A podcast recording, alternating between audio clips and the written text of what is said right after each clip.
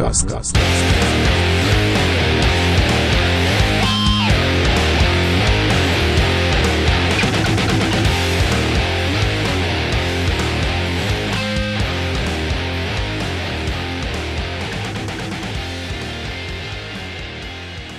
Dzień dobry, tu Młodcast. Tematem tego odcinka będzie mecz z Liverpoolem i z tej okazji mamy pierwszego w historii Młodcastu gościa. Jest z nami Piotr Kolonko z redakcji LFC.pl. Cześć Piotrze.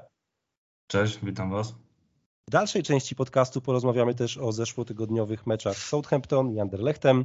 Ze mną na łączach oprócz wspomnianego Piotra tradycyjnie Piotr Świtalski i Maciej Kurek, West Ham Poland. Cześć, Siema, cześć. Ja nazywam się Łukasz Papuda, stały skład podcastu. Zaczynamy. Piotrze, zaczniemy od Ciebie, żeby Cię nie trzymać zbyt długo przy tych naszych typowo West Hamowych tematach. Zaczniemy od meczu z Liverpoolem, meczu, który już jutro. Ale tak naprawdę zanim, w ogóle dzięki, że, że znalazłeś czas, żeby z nami pogadać. Dla nas to super sprawa i dla naszych słuchaczy myślę też, żeby zrozumieć perspektywę kibica West, y, Liverpoolu przed tym meczem, trochę, trochę jakby zrozumieć kontekst tego meczu lepiej. E, ale zanim o tym meczu chcieliśmy zacząć od spotkania z Manchesterem City, bo to był taki highlight w ogóle poprzedniej kolejki Premier League. Liverpool wygrał z Manchesterem City, więc pierwsze pytanie do ciebie, jak się czujesz po tym meczu i czy to ten mecz oznacza, że wraca stary, dobry Liverpool, czy to raczej taki wypadek przy pracy i jeszcze długa droga do powrotu do dawnej, świetnej formy? E, no, dzięki za zaproszenie oczywiście, a co do samego meczu z City, no to Jestem oczywiście bardzo szczęśliwy, bo po raz pierwszy w tym sezonie zobaczyliśmy tak naprawdę ten Liverpool, który chcieliśmy oglądać e, od początku. E, myślę, że to może być taki punkt zwrotny na, na przestrzeni tego sezonu, bo do tej pory wszystko nie układało się po naszej myśli i te wyniki były strasznie mieszane. Zwycięstwa, remisy, porażki. E, no a w tym spotkaniu City nareszcie wszyscy zawodnicy zagrali na, na takim najwyższym swoim poziomie i ci wszyscy E, piłkarze, mam tutaj na myśli głównie liderów typu Van Dijk, Robertson, Fabinho, którzy do tej pory zawodzili, w końcu e, wzięli sobie do serca to wszystko, co, co mówili w ostatnich tygodniach, bo, bo jeżeli prześledzilibyście sobie wywiady z naszymi zawodnikami, to w kółko przewijały się te same hasła, że musimy być razem, musimy iść do przodu, musimy pracować, musimy od, od, e, odzyskać pewność siebie. No ale tego nie robili, a w końcu w tym spotkaniu wzięli się do roboty, każdy zagrał na, na swoim optymalnym poziomie, no i mamy tego efekt w postaci zwycięstwa w najważniejszym meczu sezonu przeciwko Manchesterowi City i mam nadzieję, że to, tak jak mówiłem, będzie taki punkt zwrotny, że te kłopoty pomału będą się kończyły, choć oczywiście no, zespół nie jest w formie i nie sądzę, żeby to było też takie Mm, natychmiastowy powrót do tej najlepszej dyspozycji, jakaś szalona seria zwycięstw teraz. Myślę, że zespół będzie powoli wchodził na te najwyższe obroty, ale mam nadzieję, że od tego właśnie spotkania skończą się te takie permanentne kłopoty. A kto był twoim man of the match? Moim man of the match? Dobre pytanie. Było kilku takich zawodników. Na pewno Gomez to jest taki zawodnik, który mnie zaskoczył, bo dawno nie grał w tak ważnym meczu. W ogóle mało gra w ostatnich miesiącach, a naprawdę poradził sobie świetnie. E, wspólnie z Van Dijkiem wyłączyli gdzieś tam ofensywę City. Na pewno Alisson to jest zawodnik, który tak jak zawsze zresztą w tym sezonie nie zawiódł, bo i było kilka dobrych interwencji, no i przede wszystkim ta asysta. Więcej asyst od Grelisza ma także. Więcej asyst od Grelisza. w Kanadyjce. Dokładnie. Więc chyba postawiłbym na Alisona, bo jednak e, pewny punkt w bramce, no i ta asysta. E, trzeba oddać Salahowi, że świetnie tam ominął Cancelo.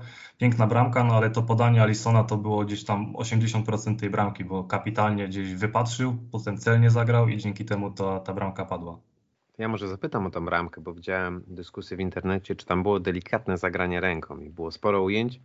Mi jako neutrasowi e, wydaje się, że raczej nie było ale też to nie jest taka czysta sytuacja, gdzie bym powiedział, że na pewno nie było. Co ty o tym myślisz i co się mówi wśród kibiców Liverpoolu? Uważacie, że to wam troszkę sędziowie może sprzyjali, to jest mocne słowo, ale że przymknęli, że gdzieś to, to jest sytuacja według was pół na pół, czy, czy kibice myślą, że tutaj nie ma w ogóle dyskusji i, i bramka została zdobyta prawidłowo?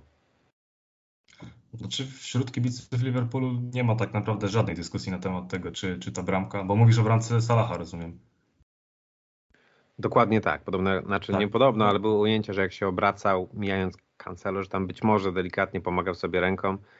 A, a z tymi rękoma to ostatnio niekończące się dyskusje, jeśli chodzi o Premier League.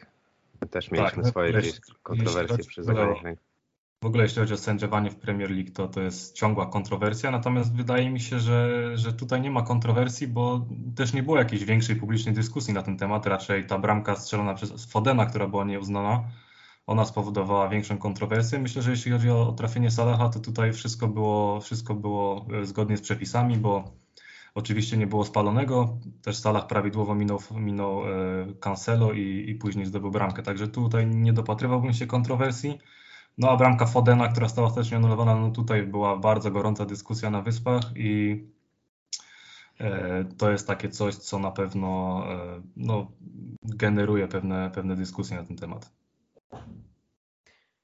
No właśnie, ale wróćmy trochę do, do tego jutrzejszego meczu. E, czy twoim, bo skomplikowała się sytuacja kadrowa po tym spotkaniu, jeszcze bardziej niż, niż ona była tak naprawdę już, już skomplikowana. Czy Twoim zdaniem to jest duży problem dla Liverpoolu i czy, czy uważasz, że kibice West Hamu oni mogą upatrywać swojej szansy właśnie w tej sytuacji kadrowej, w tych dziurach e, w pierwszym składzie, czy raczej uważasz, że to jest właśnie dobry moment dla Liverpoolu, zbudowani zwycięstwem nad Manchesterem City, no będą teraz nie do przejścia. Jak Ty to widzisz z, perspektywy kibica Liverpoolu? No na pewno ten uraz Diogo to jest, e, to jest taki element, który troszeczkę odbiera tej radości po zwycięstwie nad City, bo wszystko układało się dobrze a, a ten uraz Rzoty jednak poważny i dzisiaj też zostało już oficjalnie ogłoszone, że nie pojedzie na Mistrzostwa Świata, więc nie będziemy mogli na niego liczyć w najbliższych meczach. A sytuacja kadrowa, no nie jest łatwa, bo tydzień temu wypadł jeszcze Luis Diaz, który także nie zagra aż do Mistrzostw Świata, czyli nie ma tak naprawdę ani jednego nominalnego lewoskrzydłowego na ten moment w zespole. Dodatkowo e, cały czas kontuzjowani są też ci piłkarze defensywni, nie ma Matipa, nie ma cały czas jeszcze Konate, jeśli chodzi o pomocników, nie ma Kate'y, nie ma Chamberlaina, nie ma cały czas Jonesa, więc ten zespół jest przetrzebiony. No i to na pewno generuje wiele problemów, bo trudno tak naprawdę teraz przewidzieć, jaką jedenastkę wystawi Jurgen Klopp, choćby mówiąc w kontekście jutrzejszego meczu. Ani jeżeli zapytacie mnie o, o, o nawet formację, to nie jestem tutaj w stanie chyba tego przewidzieć, bo e, tak jak mówię, i zestawienie linii ataku będzie trudne do przewidzenia, i środek pola, i defensywa, bo na przykład Trent Alexander-Arnold był kontuzjowany, ale nagle e, ku zaskoczeniu wszystkich wrócił na ławkę na mecz City, wszedł na boisko i teraz nie wiadomo, czy będzie gotowy do gry od pierwszej minuty z West Hamem, czy znowu zobaczymy tam Milnera. Dlatego te kontuzje na pewno mogą utrudnić nam takie mm, płynne wejście w tą, w tą dobrą grę, o czym mówiłem wcześniej. I to na pewno jest pewne zmartwienie dla Klopa. Ja jeszcze Piotrek chciałem zapytać, jak oceniasz w ogóle transfer Darwina Nuneza, bo zimą My byliśmy poważnie łączeni, składaliśmy ofertę za Darwina. Ostatecznie te 50 milionów nie było, nie było do przyjęcia tak naprawdę przez Benfikę. Później się go za dużo jeszcze większe pieniądze.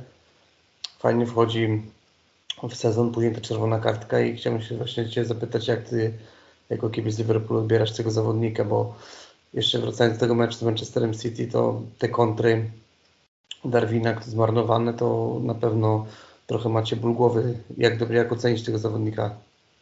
E, wiesz co, ja oceniam go, ja oceniam go dobrze.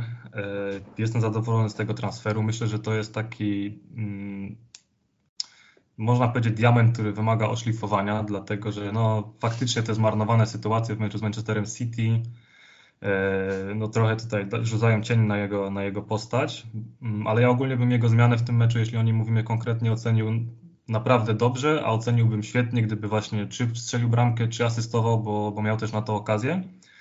E, a jeśli chodzi o sam transfer generalnie, no ta czerwona kartka bardzo przeszkodziła w meczu z Crystal Palace, bo on fajnie wszedł do zespołu, w pre-seasonie 4 gole z Lipskiem, później e, bramka z City z Community Shield, bramka e, w pierwszej kolejce, no i później ta czerwona kartka w meczu z Palace, zawieszenie na trzy mecze i od tamtej pory Jurgen Klopp też ostrożnie wprowadzał go do składu, ale mi on się osobiście bardzo podoba, bo jest takim zawodnikiem bardzo ruchliwym, zawodnikiem, który nie boi się gry, który szuka gry wręcz, często wychodzi do piłki, nie boi się wchodzić w driblingi, jest, e, wydaje mi się, też dobry w powietrzu, więc na pewno będzie potrzebował trochę czasu na właśnie aklimatyzację, bo też dosyć głośna sprawa była po jego wywiadzie, w którym mówił, że on nie rozumie Jurgena Kloppa z uwagi na brak znajomości języka angielskiego.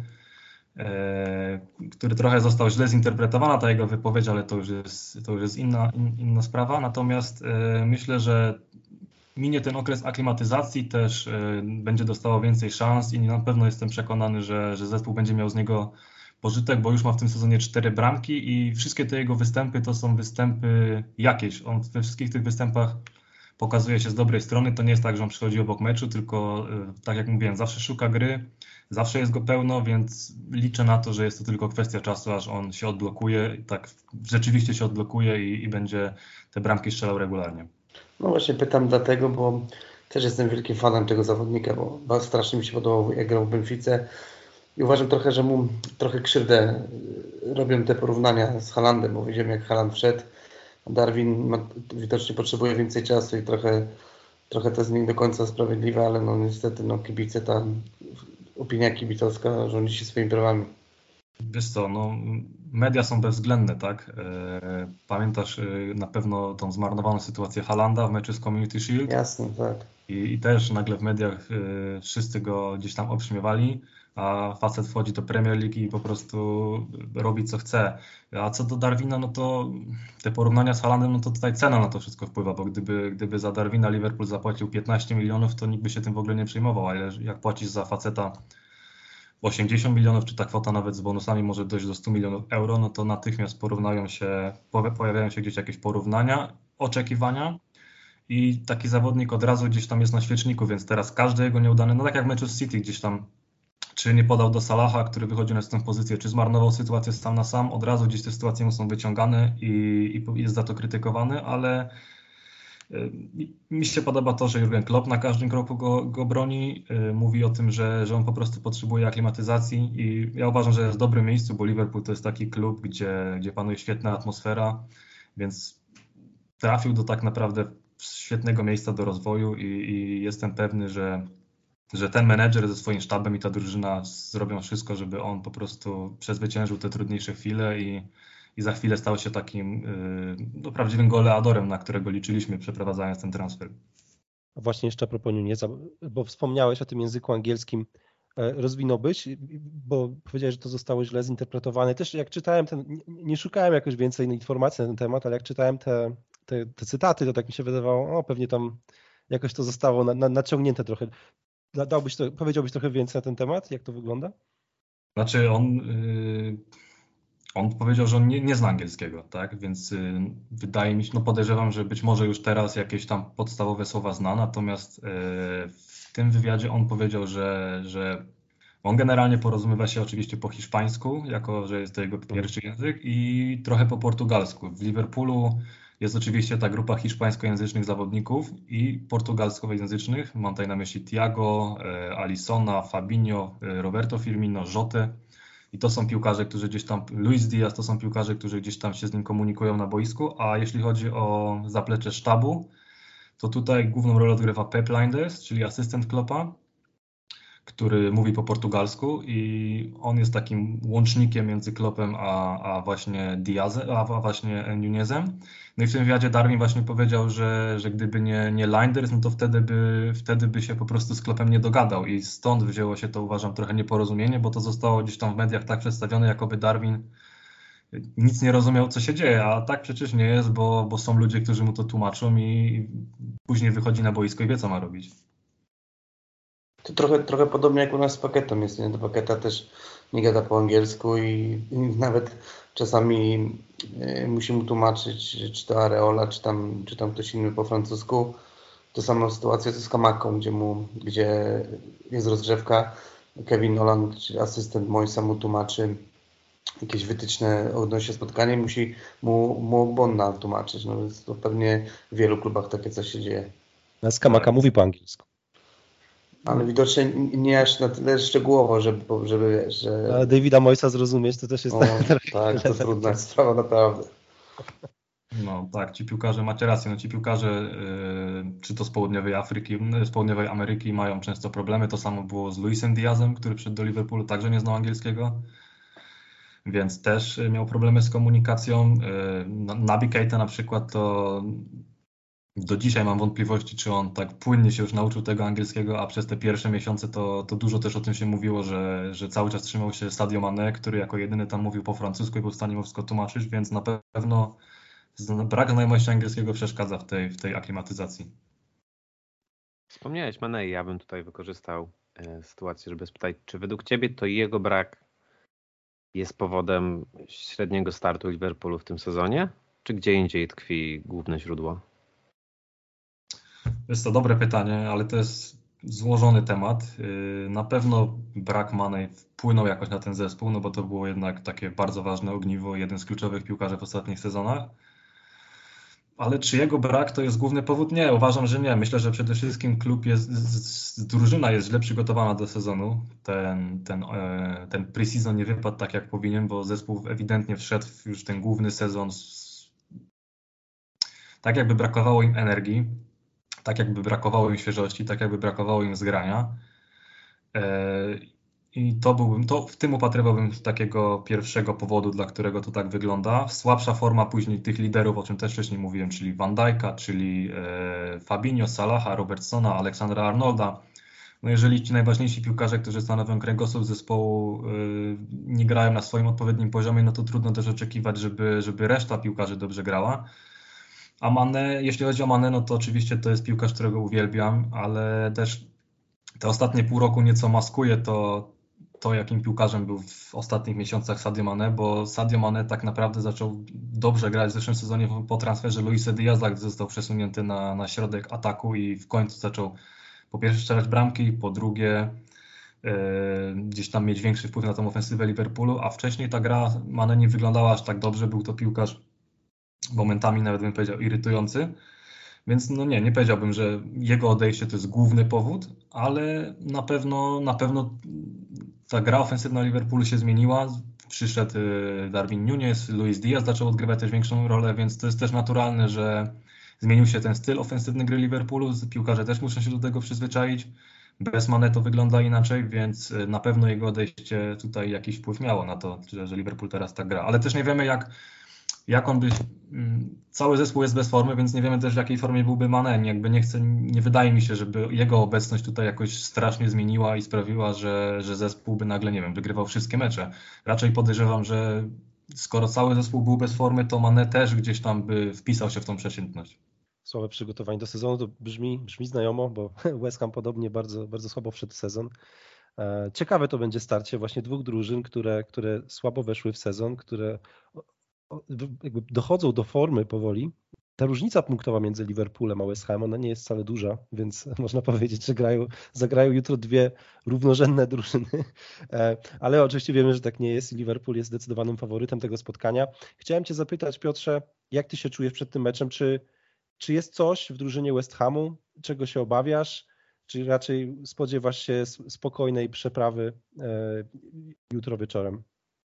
Wiesz co, no nie spodziewam się na pewno łatwej przeprawy, bo mecze z West Hamem nigdy nie są łatwe. Yy, tak jak powiedziałeś, no West Ham słabo wszedł sezon, bo tam były trzy porażki na starcie bodajże, ale teraz yy, wiem, że wrócili znowu na te dobre tory i w tych ostatnich pięciu meczach cztery razy, cztery razy wygrali, więc na pewno są w dobrej formie. Yy, no a Liverpool, tak jak powiedziałem, trudno tak naprawdę powiedzieć, czego się spodziewać, bo zespół był w naprawdę kiepskiej formie, może bardziej przeciętnej bym powiedział ale potem przyszło to z wysokie zwycięstwo nad Rangersami 7 do 1 w Lidze Mistrzów, wygrana z Manchesterem City w bardzo dobrym, e, w bardzo dobrym stylu. I to jest ten mecz z West Hamem, który myślę, że będzie dobrą odpowiedzią na to, czego możemy się dalej spodziewać, bo jeżeli Liverpool powtórzy swój dobry występ, to znaczy ci najważniejsi piłkarze znowu zagrają na tak, na tak wysokim poziomie, to myślę, że od tego momentu już może naprawdę to, to pójść w dobrym kierunku, ale spodziewam się, że West Ham postawi twarde warunki i na pewno to nie będzie łatwa przeprawa. Piotrze, ostatnie pytanie do Ciebie. E, trochę chcielibyśmy nabrać optymizmu przed tym meczem, więc powiedz nam, gdzie my, kibice West Hamu, moglibyśmy upatrywać swojej szansy na, na punkty w tym spotkaniu. Mówiliśmy trochę o sytuacji kadrowej, ale być może są jakieś formacje, które, które, które słabo się spisują i Twoim zdaniem mogłyby być, mogłyby nam dostarczyć trochę e, optymizmu przed tym spotkaniem. Y, no jeżeli chcecie doszukać jakiegoś słabszego punktu, to myślę, że musicie liczyć na to, że, że ta formacja defensywy nie zagra na takim poziomie, jak zagrała przeciwko City. Y, wspomniałem tu wcześniej o Van Dijku, że w końcu zagrał na swoim najwyższym poziomie. Mam nadzieję, że będzie to kontynuował, ale jego forma w tym sezonie była mocno zawahana i tak naprawdę trudno powiedzieć, czy, czy on teraz podniesie się i, i nawiąże znowu do tej swojej najlepszej dyspozycji. Y, myślę, że będzie partnerował mu Gomez, który znowu jest pewnego rodzaju niewiadomą, bo zagrał świetny mecz Manchester City, ale to jest także, także zawodnik, który w ostatnich spotkaniach, w których występował, popełniał wiele błędów, więc też nie dałbym sobie za niego ręki uciąć. No i podobnie mogę wypowiedzieć na temat bocznych obrońców. Robertson wrócił po kontuzji, zagrał super mecz City, ale ostatnie miesiące także nie należą do niego i także sprawował się, sprawował się przeciętnie. Na prawej obronie nie wiem, jak to zagra, bo tak jak mówiłem, trend Aleksander Arnold wrócił już do gry i być może jutro zacznie w pierwszym składzie. Ale jeśli nie jest jeszcze gotowy na pełne 90 minut, to pewnie zagra tam James Milner. A James Milner poza meczem z Manchesterem City był chyba najgorszym piłkarzem Liverpoolu w tym sezonie, więc ta formacja defensywna według mnie jest dalej pewnego rodzaju niewiadomą i mam nadzieję, że ci piłkarze znowu zagrają na tym swoim najwyższym poziomie, ale nie jestem co do tego przekonany. Jeszcze ja mam pytanko Powiedz mi, jak do tego doszło, bo widziałem taką fajną statystykę. Jak to jest możliwe, że Virgil van Dijk jest tyle czasu w Liverpoolu i jeszcze nie przegrał meczu ligowego na Anfield? To mi się w ogóle w głowie nie mieści. Dlatego, że Virgil van Dijk, yy, będący w formie, jest najlepszym środkowym obrońcą na świecie i po prostu nie dopuścił do tego. Craig Dawson, tu jeszcze Craig Dawson uważam, że jest w e, Piotrze, a jak, jak, jak typujesz w ogóle wynik jutro? Pobawmy się, w Pobawmy się w typera. Wiesz co, stawiam na zwycięstwo Liverpoolu 2 do 1. E, myślę, że ta siła ofensywna Liverpoolu jest jednak o wiele silniejsza niż siła West Hamu. Cieszy to, że Salah wrócił do formy. Tutaj komplementowałem wcześniej Nuneza. Mam nadzieję, że on też być może trafi do siatki. E, no a z kolei myślę, że West Ham też ma szansę strzelić bramkę, bo, bo nie jestem pewny za, za naszą defensywę, więc myślę, że oba zespoły gdzieś tam trafią do siatki, ale postawię jednak na Liverpool, bo, bo mecz jednak też odbywa się na Anfield. Anfield to jest nasza twierdza i, i my tutaj na pewno nie przegrywamy, jeżeli są tylko kibice na trybunach, a myślę, że kibice też są w stanie ponieść ten zespół i, i dlatego stawiamy tutaj na zwycięstwo Liverpoolu. Panowie, jakie są wasze typy? Ja, ja może powiem jakby na dwa razy.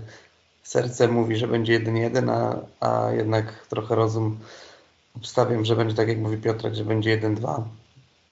Może też dlatego, że dzisiaj na taką statystykę natrafiłem naszą, że w ostatnich 18 meczach wyjazdowych z klubami z top 6 16 razy przegraliśmy i dwa razy zremisowaliśmy. Zremisowaliśmy tylko 1-1 z Manchester United, kiedy Pogba tą taką ręką piłkę zagrał w bardzo dziwny sposób na koniec sezonu, gdzie Mark Noble oddał karnego Michailowi Antonio, który dzięki temu miał dwucyfrową liczbę bramek i zarobił trochę więcej pieniędzy. I to słynne, gdzie dzisiaj jest rocznica, druga rocznica tego słynnego comebacku z Tottenhamem, gdzie przegrywaliśmy do 81 minuty 3-0 i wyciągnęliśmy na 3-3 po tym niewiarygodnym uderzeniu Lanziniego. Także 1-1 serce, rozum, 2-1 Liverpool.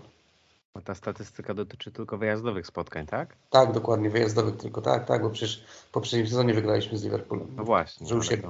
u siebie. Hmm? Ja podobnie widzę to jak Piotr, to znaczy liczę na 1-1.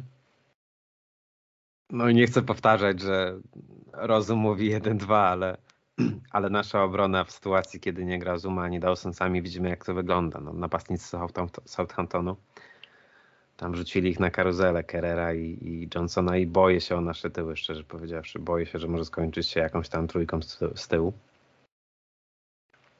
Dobra, to ja na 1-3 stawiam finalnie. Tak mało, mało optymistycznie, ale po tym, co widziałem e, w meczu Southampton, jeśli chodzi o nasze szeregi defensywne, no to mam duże obawy. Macie Ale pesymista. możemy sobie pogadać w naszym występie Southampton.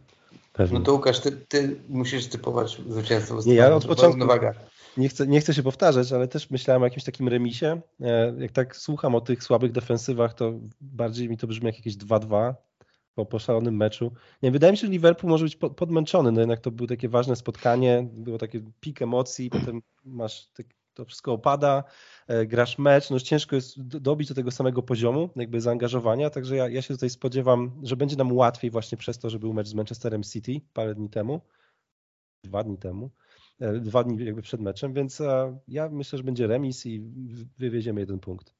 Widzę cień nadziei w tym, że my potrafimy mobilizować się na lepsze zespoły, bo czy z Tottenhamem, czy z Chelsea zagraliśmy naprawdę dobre zawody w tym sezonie. Dokładnie, mecz z Chelsea też. Tu upatruję jakieś naszej szansy, że, że ekstra mobilizacja wiedzie na takiego przeciwnika. Ja się, jeśli tylko jeszcze mogę coś dodać, nie zgodzę się do końca z tym, co powiedziałeś, że, że ten mecz z Manchesterem City może jakoś wpłynąć na, na dyspozycję Liverpoolu i te, i te emocje z tym związane, dlatego że no, mówimy tutaj o najlepszych piłkarzach na świecie, dla których takie mecze są w zasadzie codziennością i zespół, który grał w trzech finałach Ligi Mistrzów, wygrywał Premier League, myślę, że nie może sobie pozwolić na jakiekolwiek wiesz, wahania, e, wahania formy, wahania koncentracji, czy, czy jakieś, czy jakieś e, przesadne entuzjazmowanie się, się wygranym meczem City, dlatego e, jeżeli jakieś problemy będzie miał Liverpool w defensywie, to myślę, że będą one wynikały po prostu z tego, że zespół jest w kiepskiej formie w tym sezonie. Ale na przestrzeni całego sezonu. No, w ostatnich latach bardzo ciekawe były te i zacięte mecze na Enfield. Wygrywaliście zazwyczaj chyba jedną bramką. To też po takich meczach, gdzie tam się, się dużo działo, więc przede wszystkim, żeby dobry mecz, żeby tam nie było jakiejś, za przeproszeniem, padliny. Ale no, takie drużyny grają, że myślę, że będzie dobry mecz jutro. Właśnie. Do, tak, no. dobry mecz, żadnych kontuzji, bo i u nas, i u was już, już chyba limit się wyczerpał i, i, i nie potrzebujemy więcej, więcej kontuzji. E, panowie, no jutro oglądamy mecz. na zgodę jeszcze. Słucham? I remisik na zgodę. Remisik, tak. Zgadzasz się Piotr? Deal? Mamy deal? Czy nie bierzesz się na remis? nie, idę po trzy punkty. Super. Super, zobaczymy jak to będzie. Piotr, wielkie dzięki za to, że odwiedziłeś Młodcast i mam nadzieję, że to nie było, nie jest ostatnie spotkanie. Będziemy Cię pewnie jeszcze zapraszać przy okazji innych, kolejnych meczów z Liverpoolem. E, bardzo Ci dziękujemy i e, za chwilę zaczynamy drugą część podcastu. Dzięki Wam bardzo, naprawdę fajnie było z Wami pogadać. No, to fajnie sobie pogadaliśmy z Piotrem na temat meczu z Liverpoolem. Jeszcze chciałem trochę zostać e, w tym w tym temacie. Chłopaki, nasza sytuacja kadrowa, bo o tym nie pogadaliśmy. Trochę wspomnieliśmy, że, że ta obrona ona nie wygląda dobrze i było widać w meczu Southampton, że, że no nie działa to tak jak, jak powinno. Trudno się dziwić, jakby nie mamy dwóch, dwóch podstawowych obrońców e, w defensywie. E, co jeszcze odnośnie sytuacji kadrowej, panowie? Czy czegoś, jakichś zmian możemy się spodziewać względem, względem niedzielnego spotkania? Ja liczę, że jednak Zuma będzie do dyspozycji Davida Moisa. Dzisiaj, dzisiaj nasz menedżer na konferencji prasowej powiedział, że le lekko już trenował, jakiś tam w niektórych ćwiczeniach z zespołem był Francuz jutro będzie podjęta decyzja. Myślę, że to też nie ma jakaś kontuzja, tylko choroba chyba prawdopodobnie to był COVID, nie? Chyba. Czy, czy zwykłe Teraz nie precyzują, czy to był tak, COVID. Ale w sumie tak. tak różne, wirus, różne ale u Antonio też był wirus i Antonio raz dwa wrócił do treningu. Tak, i dlatego więc... mam nadzieję, że właśnie, że Zuma będzie, Dawson raczej nie zagra. I to jest to, co właśnie Maciek mówiłeś w rozmowie z Piotrem właśnie przed sekundą, że jeżeli mieliśmy kłopoty z Southampton w defensywie, no to trzeba oczekiwać, że może być podobnie jutro w jutrzejszym meczu. Ja myślę, że duet Kerr i Johnson źle wyglądają razem. Myślę, że każdy z nich, gdyby grał obok Zuma albo Dawsona, wyglądałby znacznie lepiej. Gdyby miał twardego, silnego e, partnera obok siebie. A oni są, wydaje mi się, jeden i drugi. No, Johnson to wiadomo, że to jest prawy obrońca, który z konieczności gra na środku, bo jest dość taktycznie i, w grze w defensywie odpowiedzialny. Ale on uważam, ani jest specjalnie silny, ani to nie jest taki obrońca, który wzbudza respekt wśród napastników rywali. Coś takiego, co na pewno możemy o Dawsonie powiedzieć. To jest facet, przy którym, przy którym napastnicy nie chcą grać. Bo jest agresywny, jest nieprzyjemny, ma, no nie chcę powiedzieć, że się go napastnicy boją, nie o to chodzi, ale chodzi o taki boiskowy respekt. No, Dawson nie da sobie w kaszę dmuchać, a wydaje mi się, że brakuje tego i Johnsonowi i Kellerowi. Ja w ogóle Kerrera dużo bardziej wolę oglądać na prawej stronie, szczerze powiedziawszy. Uważam, że ma dobre rozegranie, oferuje, oferuje coś innego niż Czofal na pewno. A w środku nie przekonuje mnie. Właśnie to, że czasem wydaje mi się brakuje mu siły, brakuje mu tej prezencji fizycznej, która jest w lidze angielskiej bardzo ważna. Jakiś silniejszy czy potężniejszy napastnik by sobie go tam ustawiał. Na w Southampton właśnie, właśnie czy Adams parę razy trollował naszych obrońców, uważam. I Armstrong też, to jest raczej chucherko, szybki napadzier, no i też tam siał popłuch, więc uważam, że czy Kerry, czy Johnson ok, ale jako partner albo Zumy, albo Dawsona, takiego bardziej liderującego środkowego obrońcy. Natomiast razem w duecie Nie widzę tego i podobnie jak Piotr powiedział, liczę, że Zuma wróci do gry. Co do Dawsona, to nie ma jeszcze szans na jego występ. E, podobnie nie ma szans na występ Oguerda, ale on wrócił do lekkich treningów, więc tutaj nawet nie lekkich, ale już trenuje z piłką, no, czyli, czyli powiedzmy, że kolejne stadium rehabilitacji, co nas wszystkich cieszy, bo jest bliżej, szansa, że go bliżej zobaczymy. niż dalej, tak? Tak, bliżej niż dalej i jest szansa, że go zobaczymy jeszcze w naszych barwach przed Mistrzostwami Świata. Poza tym na pewno nie zagra Ashby, o czym też wiemy. I co, i z absencji to chyba tyle, tak? Z tych, którzy... Kornet jeszcze, ale w tym A, tak, tygodniu oczywiście, wró- Kornet jeszcze nie, nie. jeszcze, jeszcze Kornet podobno może na mecz z Bormą wrócić, który jest po Liverpoolu, więc tutaj jest cień nadziei. Ale głównie środkowa obrona będzie tutaj naszą bolączką i, i tutaj, tak jak rozmawialiśmy wcześniej z Piotrkiem z, z polskiego fanklubu Liverpoolu, mam obawy, jak ten nasz środek obrony będzie wyglądał. No właśnie, ale kontuzje to jedno, a mamy też inny kontekst, bo, no bo mecz był dwa dni przed kolejnym, znaczy jest jakby duże spiętrzenie meczów i no, no miało, byłoby zasadne porotować trochę składem. Czy spodziewacie się jakiejkolwiek rotacji, niewymuszonej rotacji w składzie, e, jakichś zmian na mecz, na przykład Said Benrama to byłby taki pierwsza, pierwsza myśl, tak, bo on miał dobry mecz z Anderlechtem, miał dobry mecz z Southampton, E, czy może z Benrama, spodziewać się Benramy w pierwszym składzie, albo Flina Donsa. Musimy wspomnieć chociaż raz Flina Donsa w podcaście, więc już mamy odhaczone. E, Czy jakikolwiek, jakikolwiek, jakiejkolwiek rotacji po Davidzie Moysie się spodziewacie?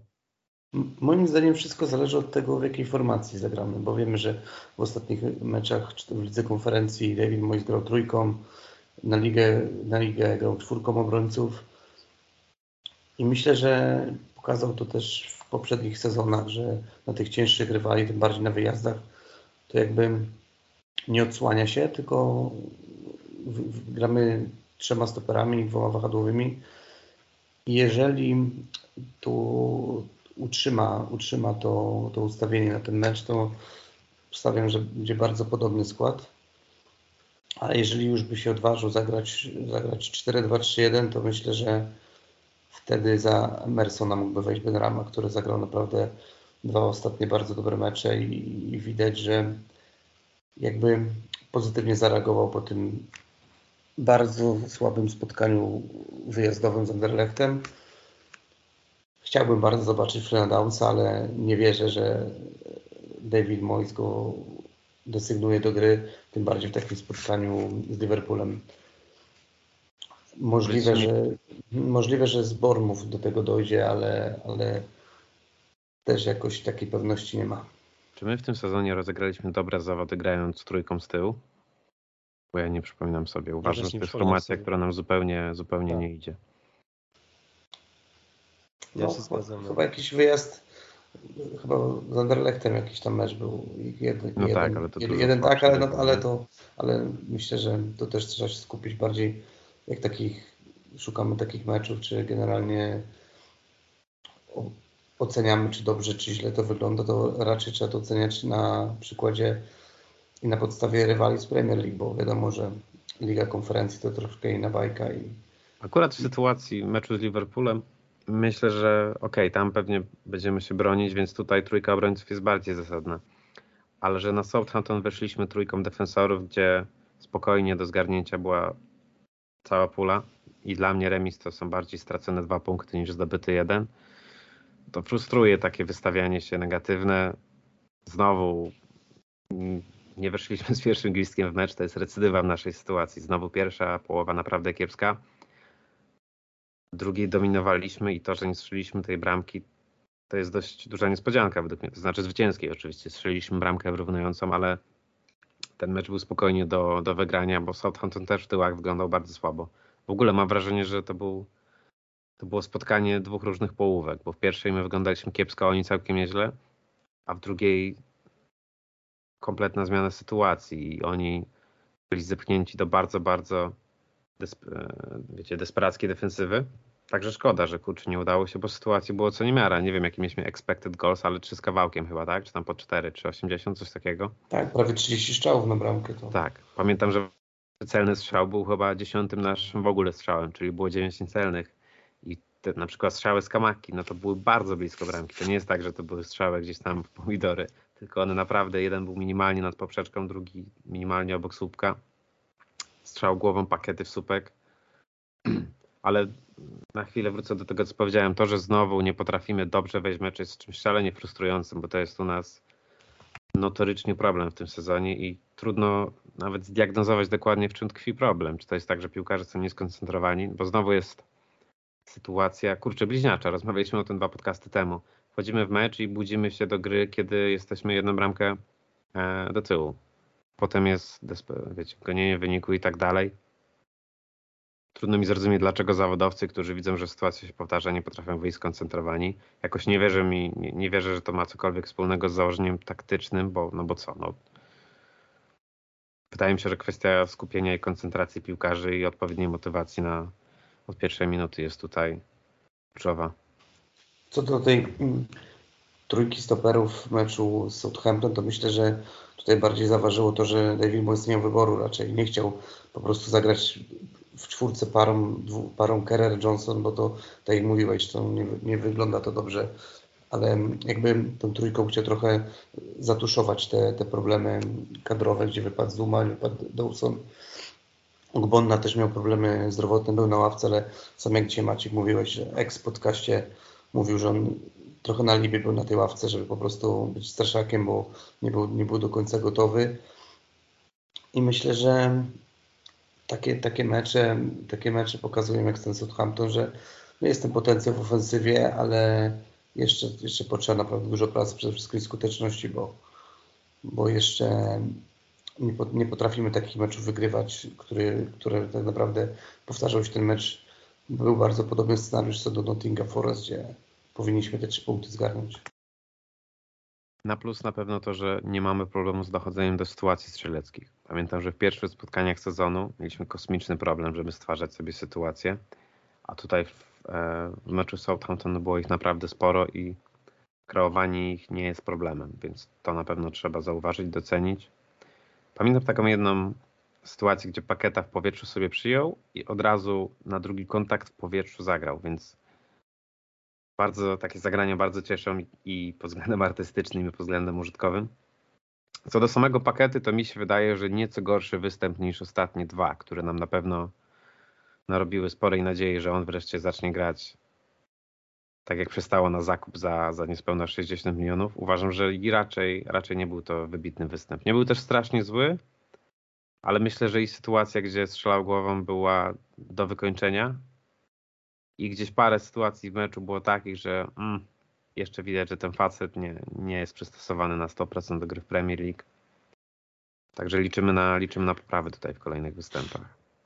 Nie jest przystosowany, ale, ale robi postęp, to też jest fajnie, fajnie to widać. I fajnie to zauważyłeś, nie? że te, te szanse, które my mamy, są trochę in, innego typu szansami niż, niż stwarzaliśmy je sobie choćby na początku sezonu. Nie? Że ten właśnie strzał, ten strzał z kamaki z dystansu, to mm. podanie z kamaki do pakiety, znaczy tam dużo, dużo więcej ciekawych rzeczy się dzieje z przodu i jak, jeśli my poprawimy skuteczność, to ja uważam, że będziemy naprawdę ciężką ekipą, żeby, żeby z nami grać w tej lidze.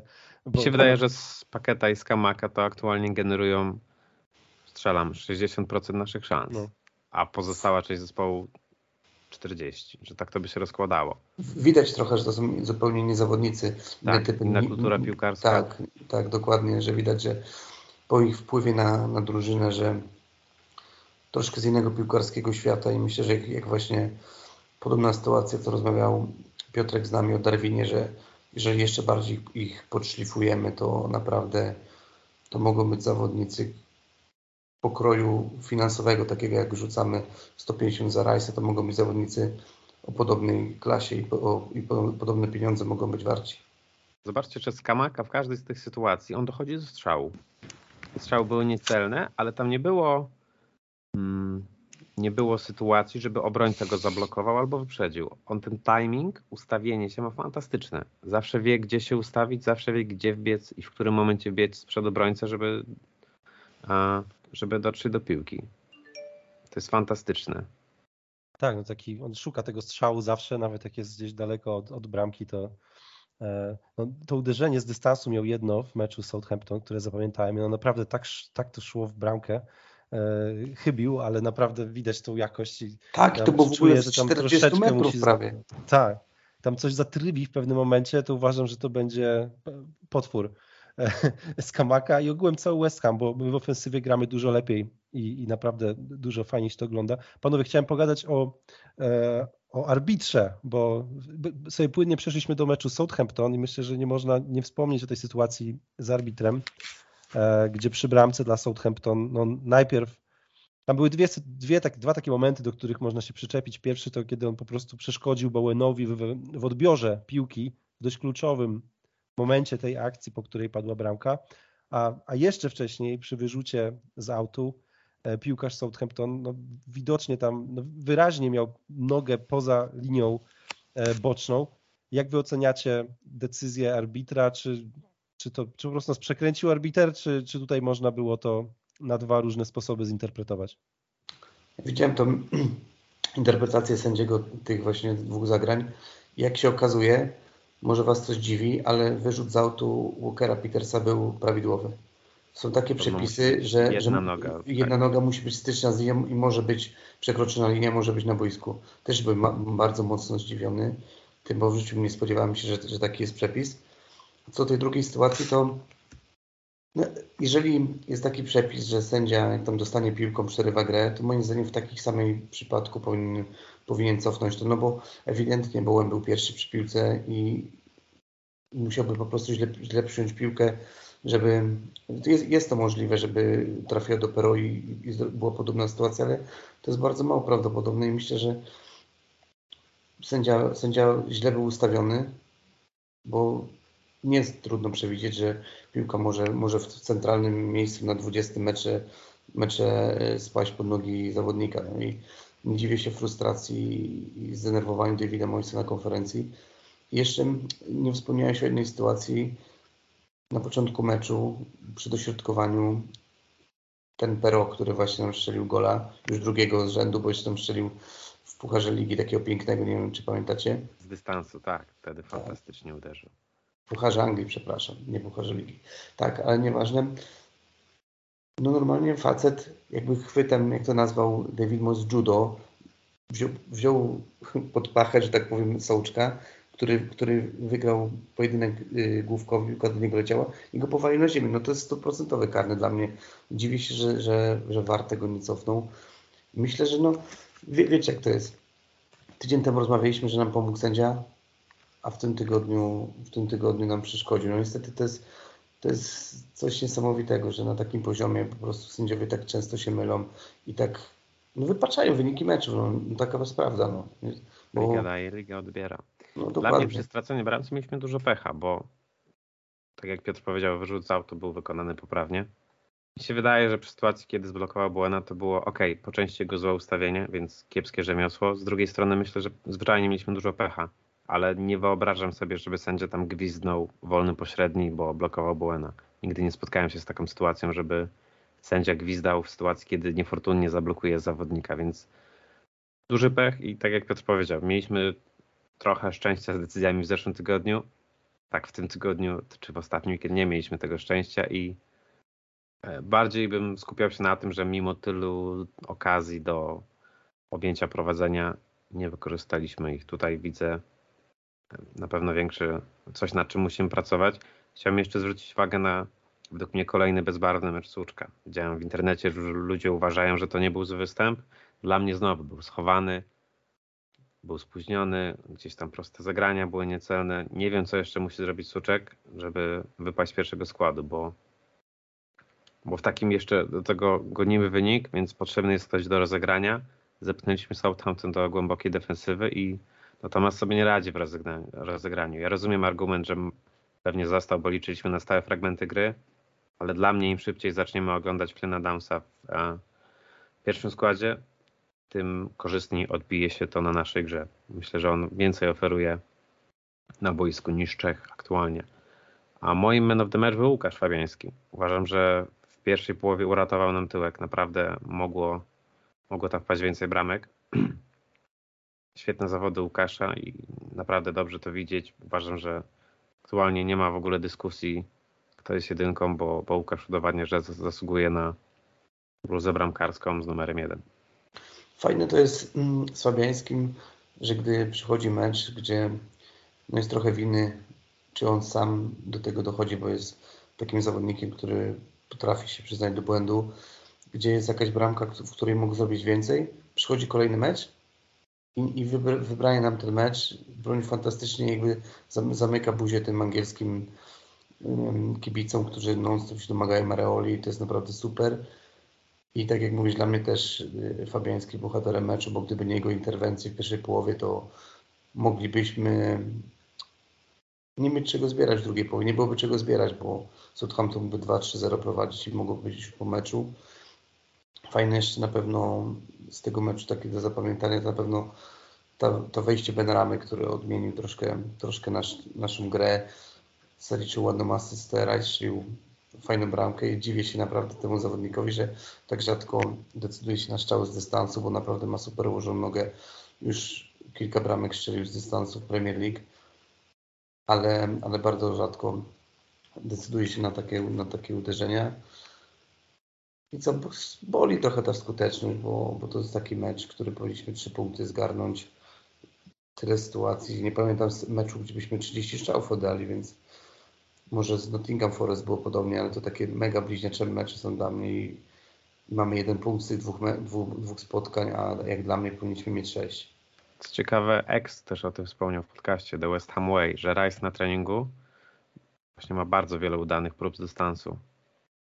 Ale uważam, że tu kluczową pracę wykonał Benrama. To jak zgrabnie, znaczy gra bez piłki Rice'a tam też była świetna, że po pierwszym podaniu Benramy on od razu bardzo ładnie wyszedł na pozycję, ale to, że Said go znalazł z pierwszej piłki, fantastycznie. Uważam, że mało piłkarzy u nas w składzie ma właśnie ten dar jak Benrama, takiego wyczucia z przodu, kiedy zagrać na jeden kontakt, tej, troszeczkę tej gry kreatywnej. Fajnie, cieszy ten dobry mecz Benramy, bo po meczu z Anderlechtem mieliśmy obawy, że się zatnie i już w ogóle spadnie mu pewność siebie przez to, że nie gra w pierwszym składzie. A tutaj widać, że, e, że facet jeszcze nie powiedział ostatniego słowa, także cieszy to.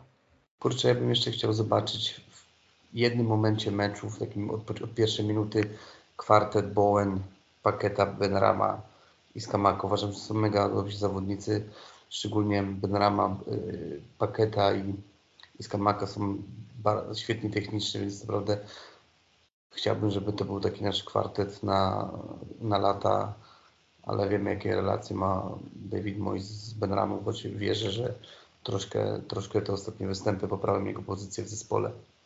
Myślę, że Benrama musi robić dwa razy więcej niż inni piłkarze, żeby przekonać Moisa do siebie. Ale wiecie co? Bardzo cieszy to, że mamy wreszcie zmienników, którzy mogą zmienić losy spotkania.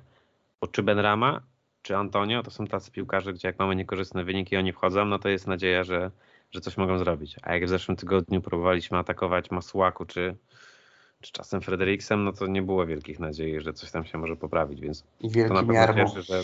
A, jeszcze raz? Wielki miarmo jeszcze. Tak. No właśnie, bo ten Benrama wszedł z ławki.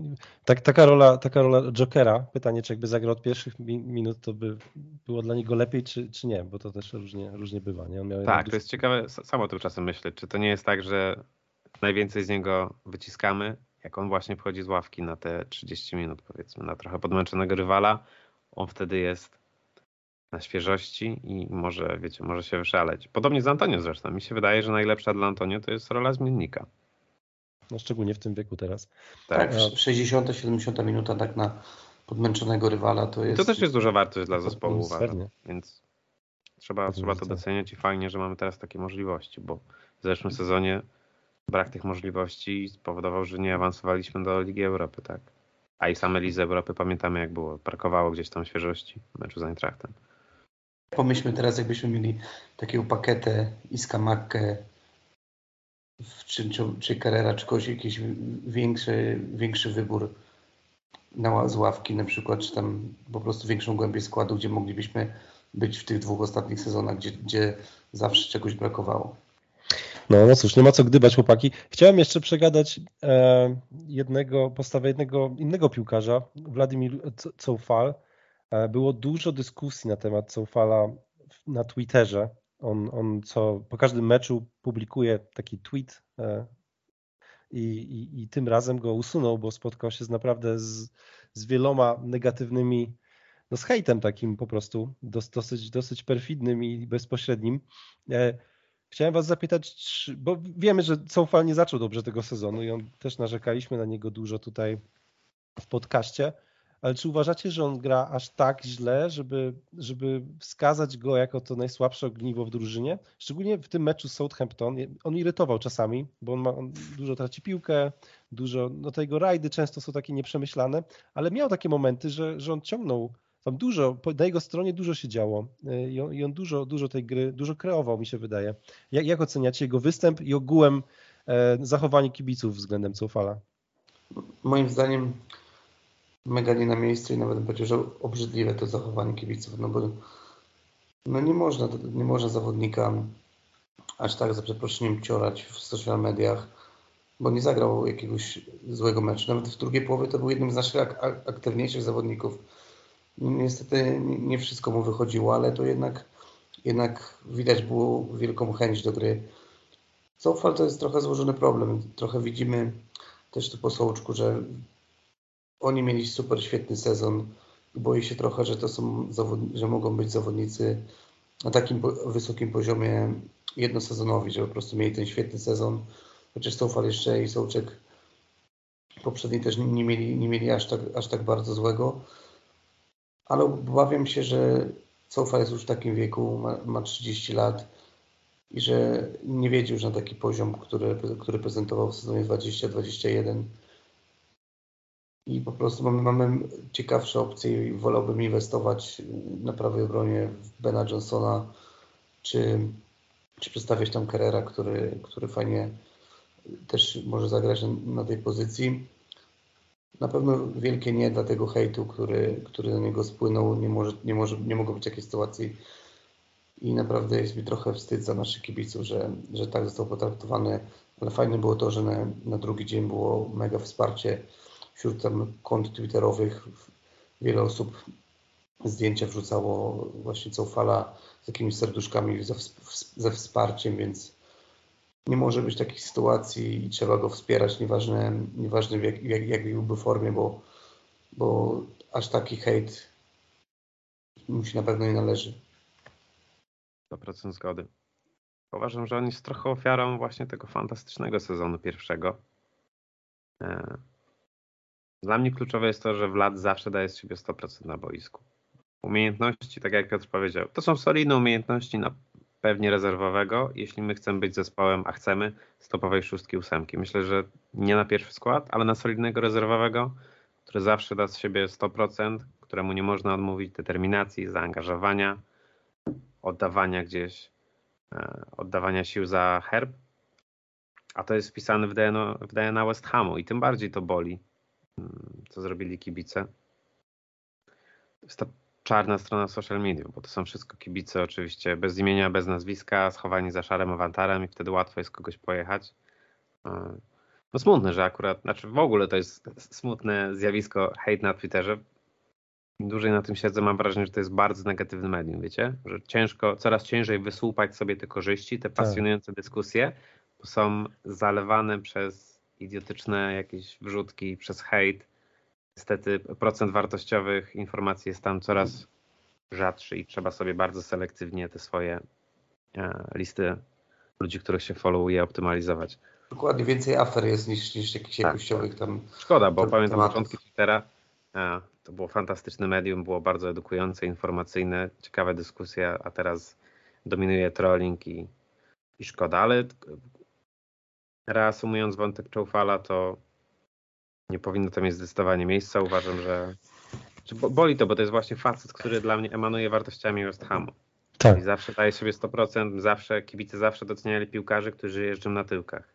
My nigdy nie byliśmy rozpieszczani przez wirtuozów jakichś czy, czy financyjnych piłkarzy. Na nas się liczyli piłkarze, którzy walczą na boisku i dają z siebie 100 pro jemu tego nie można odmówić. Trudno mi sobie wyobrazić, kto poza nimi deklanem jest właśnie bardziej definicją tego, co przez lata cenili kibice West Hamu. To jest wizytówka, takie, takie, taka gra. Umówmy się, na początek sezonu większość zespołu ma pod formą. Trudno, trudno kogoś byłoby wyróżnić, więc wielka szkoda i super, tak jak Piotr powiedział, super, że duża część kibiców się zmobilizowała, żeby przeciwważyć dobrymi postami gdzieś te hejty i, i on sam to docenił, bo nie wiem czy widzieliście, ale chyba wczoraj wysłał jakieś tam serduszka i tak dalej. Tak, tak, na wsparcie ze strony kibiców, więc fajnie, fajnie, że gro kibicowskie potrafi zagłuszyć paru troli, bo to też często jest tak, że tych troli czy hejterów to jest garstka, ale niestety krzyczą głośno i uważam, że oni nie powinni nam zaciemniać obrazu, bo to nie jest większość kibiców West Hamu, tylko jakieś jednostki. Zdecydowanie zgadzam się z, z tym, co powiedziałeś, że to jest taki zawodnik, który widać od samego początku, że wiele z tych naszych wartości kibicowskich West Hamu posiada. Mi trochę przypomina pod tym względem właśnie Jamesa Collinsa, czy, czy nawet Joeya O'Briena, który nigdy jakimś wirtuozem nie był, był jakimś zawodnikiem, który był, wiadomo wtedy gorszy West Ham był, ale taki zawodnik, któremu brakowało umiejętności, ale nigdy mu nie brakowało jazdy na tyłku. No właśnie, ja jeszcze, jeszcze chciałem zwrócić uwagę, że on poza boiskiem jest bardzo aktywny. Znaczy zazwyczaj wiadomo, że kibice są angażowani w różne tam lokalne inicjatywy, jeżdżą po jakichś tam szkołach i tak dalej i Soufal zawsze tam jest obecny. Zawsze go można widzieć na tych e, zdjęciach właśnie z takich spotkań, w sensie, że to też jest tak, że ok, klub cię wysyła, ale jak nie chcesz, to, to nie musisz jeździć a on jednak zawsze się, się na to pisze. Też jeździ autobusem, jest taki, no, taki swój chłop po prostu, więc ciężko go nie lubić. Za postawę na boisku ja też parę razy mnie zirytował, miałem, miałem problem z tym, jak on, jak on grał, ale, ale zgadzam się z wami chłopaki, że no jednak trzeba, trzeba szanować. To właśnie forma tej krytyki, tak, bo krytyka może przybierać różne formy, a obrzucanie kogoś błotem nie jest konstruktywna forma. Ale wiecie, jeszcze na, na podsumowanie tego, co rozmawiamy, o, o, o Cofal, to przypomnijcie sobie półfinał Ligi Europy i mecz z Eintrachtem, gdzie kibice Eintrachtu biegli na boisko, a Cofal między nimi chodził. Jeszcze wywiadu udzielił, że co by było, jakby go zaatakowali kibice, to on napisał, że, że czy tam powiedział w wywiadzie, że to oni powinni się go bać, nie? Mieli Chyba szczęście, że w łeb nie wyłapali, nie? Tak, dokładnie, no więc też, to jest takie potwierdzenie tego, co mówimy. No, tylko żeby grał w piłkę, bo to jednak jest istotny element bycia w klubie Premier League, więc ma, mam nadzieję, że, że forma też przyjdzie, ale, ale potępiamy... Ja każdemu życzyłbym takiego prawego obrońcy. Facet przez Ligi Czeskiej za jakąś czapkę gruszek i zrobił fantastyczny pierwszy sezon i naprawdę solidny drugi. I gdyby nie to, że mamy lepsze opcje na prawej obronie, jak Kerr i Johnson, i młodsze przede wszystkim, bardziej perspektywiczne, to ja każdemu zespołowi życzę takiego prawego obrońcy właśnie, który zawsze daje z siebie 100% i, i nie można mu odmówić zaangażowania. Zdecydowanie Coufal jakby przewyższył nasze oczekiwania co do transferu, bo nikt się nie spodziewał, że to będzie zawodnik, który, który będzie no czołowym, bo był z Kresolem, byli czołowymi bocznymi obrońcami w pierwszym, w pierwszym sezonie. sezonie miał 7 albo 8 asyst. Jak tak, oni, mieli, oni mieli 15 chyba 16 asyst Kres z Sophim i tylko, tylko Aleksander Arnold i Robertson mieli więcej. Jakby Czołfi, bo on często próbuje dośrodkować, tylko takie balony posła w pole karne. Gdyby bardziej próbował cięte piłki, to myślę, że byłaby więcej korzyści, bo wtedy też one są cięte, mocne wrzutki są trudniejsze do obrońców e, do wybicia. Wtedy zawsze jest szansa na jakiś tam pinball, rykoszet, a jak takie balony wali, obrońcy mają więcej czasu, żeby się przygotować. Wydaje mi się, że te piłki są mniej groźne. Ale zobaczcie, on się nigdy nie chowa od gry. Zawsze, nawet jak mu nie idzie, to jest aktywny. Zawsze stara się poprawić e, swoją dyspozycję gdzieś tam. Nie jest tak, że jak mu nie idzie, to się chowa i, i, zakłada czapkę niewidkę. Więc to, to zawsze też u niego cenię, że podobnie mam wrażenie, że lepsi rywale wcale nie powodują, że on czuje jakiś większy respekt. Mieliśmy wielu piłkarzy, gdzie jak przyjeżdżał ktoś solidniejszy, Mam wrażenie, że Fredericks to był taki prawy obrońca, że jak ktoś mocniejszy przyjeżdżał, to tam były pełne gacie. A Czołfi mam wrażenie, że na każdy mecz wychodzi jakby na Orlika szedł grać. Nikt nie jest mu, nikt nie jest dla niego groźny i to mi się bardzo podoba właśnie, ten brak respektu. Zawsze twardo. Także szkoda, szkoda całej sytuacji i szkoda, no ja go uwielbiam. Nie wiem, czy mam piłkarza, którego bardzo lubię z ostatnich lat, jeśli chodzi o transferowe nabytki West Hamu. Oczywiście uwielbiamy Flena, uwielbiamy Skamakę, ale to jest trochę innym kluczem. A właśnie w lato jest taki chłopak z sąsiedztwa. No, Także z obu mu się wiodło i tak. Z Czech to sąsiad. Pewnie lubił weekend, wiecie, Pilsnera walnąć, no swój chłop. A my do Czech mam za darmo, no. Chłopaki, dobra, to był taki Władimir Cofal tribute. E, zakończmy może meczem z Anderlechtem, chociaż poruszyliśmy wiele, bo, bo w meczu z Anderlechtem e, chciałem, chciałem pogadać przede wszystkim o Benramie, ale już o nim pogadaliśmy bardzo dużo i wszyscy chyba się zgadzamy z tym, że, że powinien dostawać więcej szans, że, że zrobił dobrą zmianę Southampton. Jakieś jeszcze inne wnioski z meczu z Anderlechtem? Czegoś się dowiedzieliście nowego po tym spotkaniu? No, najważniejsze jest to, że wygraliśmy, tak? Mamy już pewny, pewny awans. Punkcik tak naprawdę nam brakuje, żeby, żeby mieć pierwsze miejsce.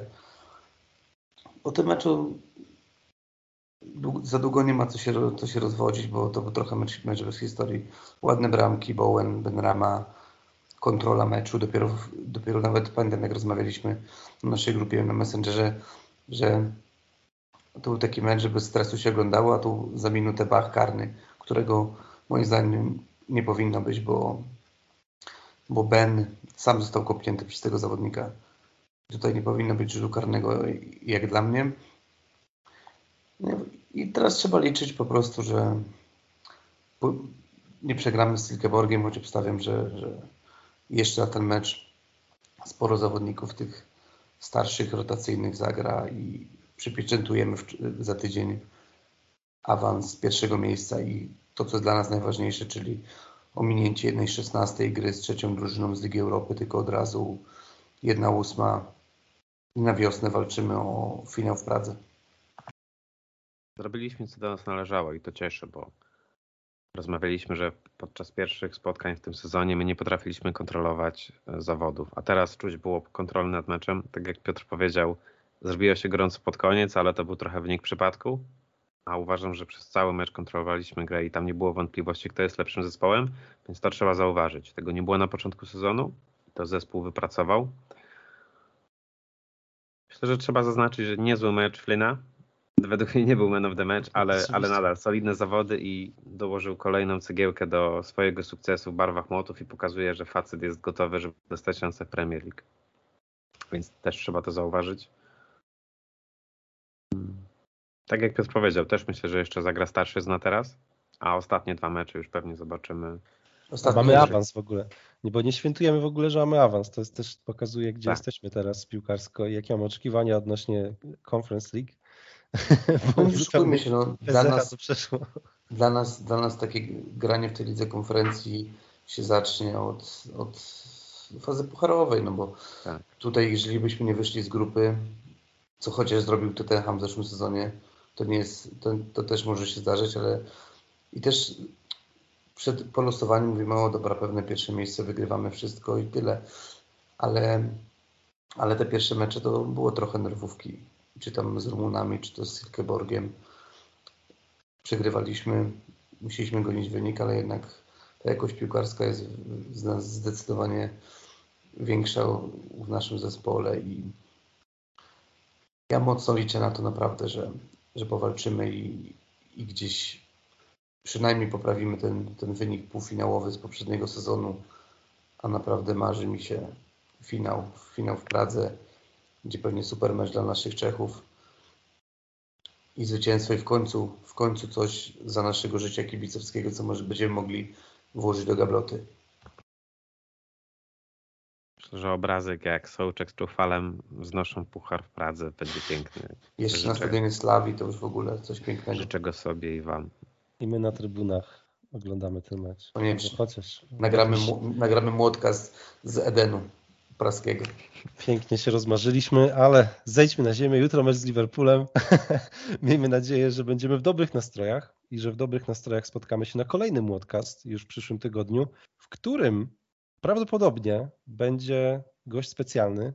O tym jeszcze w szczegółach nie mogę powiedzieć, ale mamy, mamy w głowie fajny pomysł i on prawdopodobnie się ziści. Także bądźcie z nami, śledźcie nas na YouTubie, na Spotify'u bo kolejne podcasty będą wychodzić regularnie. Jeszcze odnośnie częstotliwości podcastów, bo e, my planowaliśmy je wypuszczać regularnie w poniedziałki. Jak widzicie, czasem robimy to we wtorki. Proszę nie, nie, nie oczekujcie od nas, że to będzie zawsze w poniedziałek. Czasem nam się coś przesunie. Będzie jeden młodcast w tygodniu i takie mamy założenie i póki co się z niego dobrze wywiązujemy. Także to nie jest tak, że poniedziałek to jest ten dzień, kiedy podcast wychodzi. Na dzisiaj to tyle chyba, panowie. Czy chcecie jeszcze coś coś dodać? Chyba nie ma już o czym gadać. E, rozgadaliśmy się dzisiaj tak. Dziękujemy wszystkim za uwagę. Tak jak powiedziałem, śledźcie nas na Spotify'u, na YouTubie i słyszymy się za tydzień. Ze mną na łączach byli Piotr Świtalski, Maciej Kurek oraz Piotr Kolonko z portalu lfc.pl. Dziękujemy Wam bardzo i do usłyszenia. Dzięki.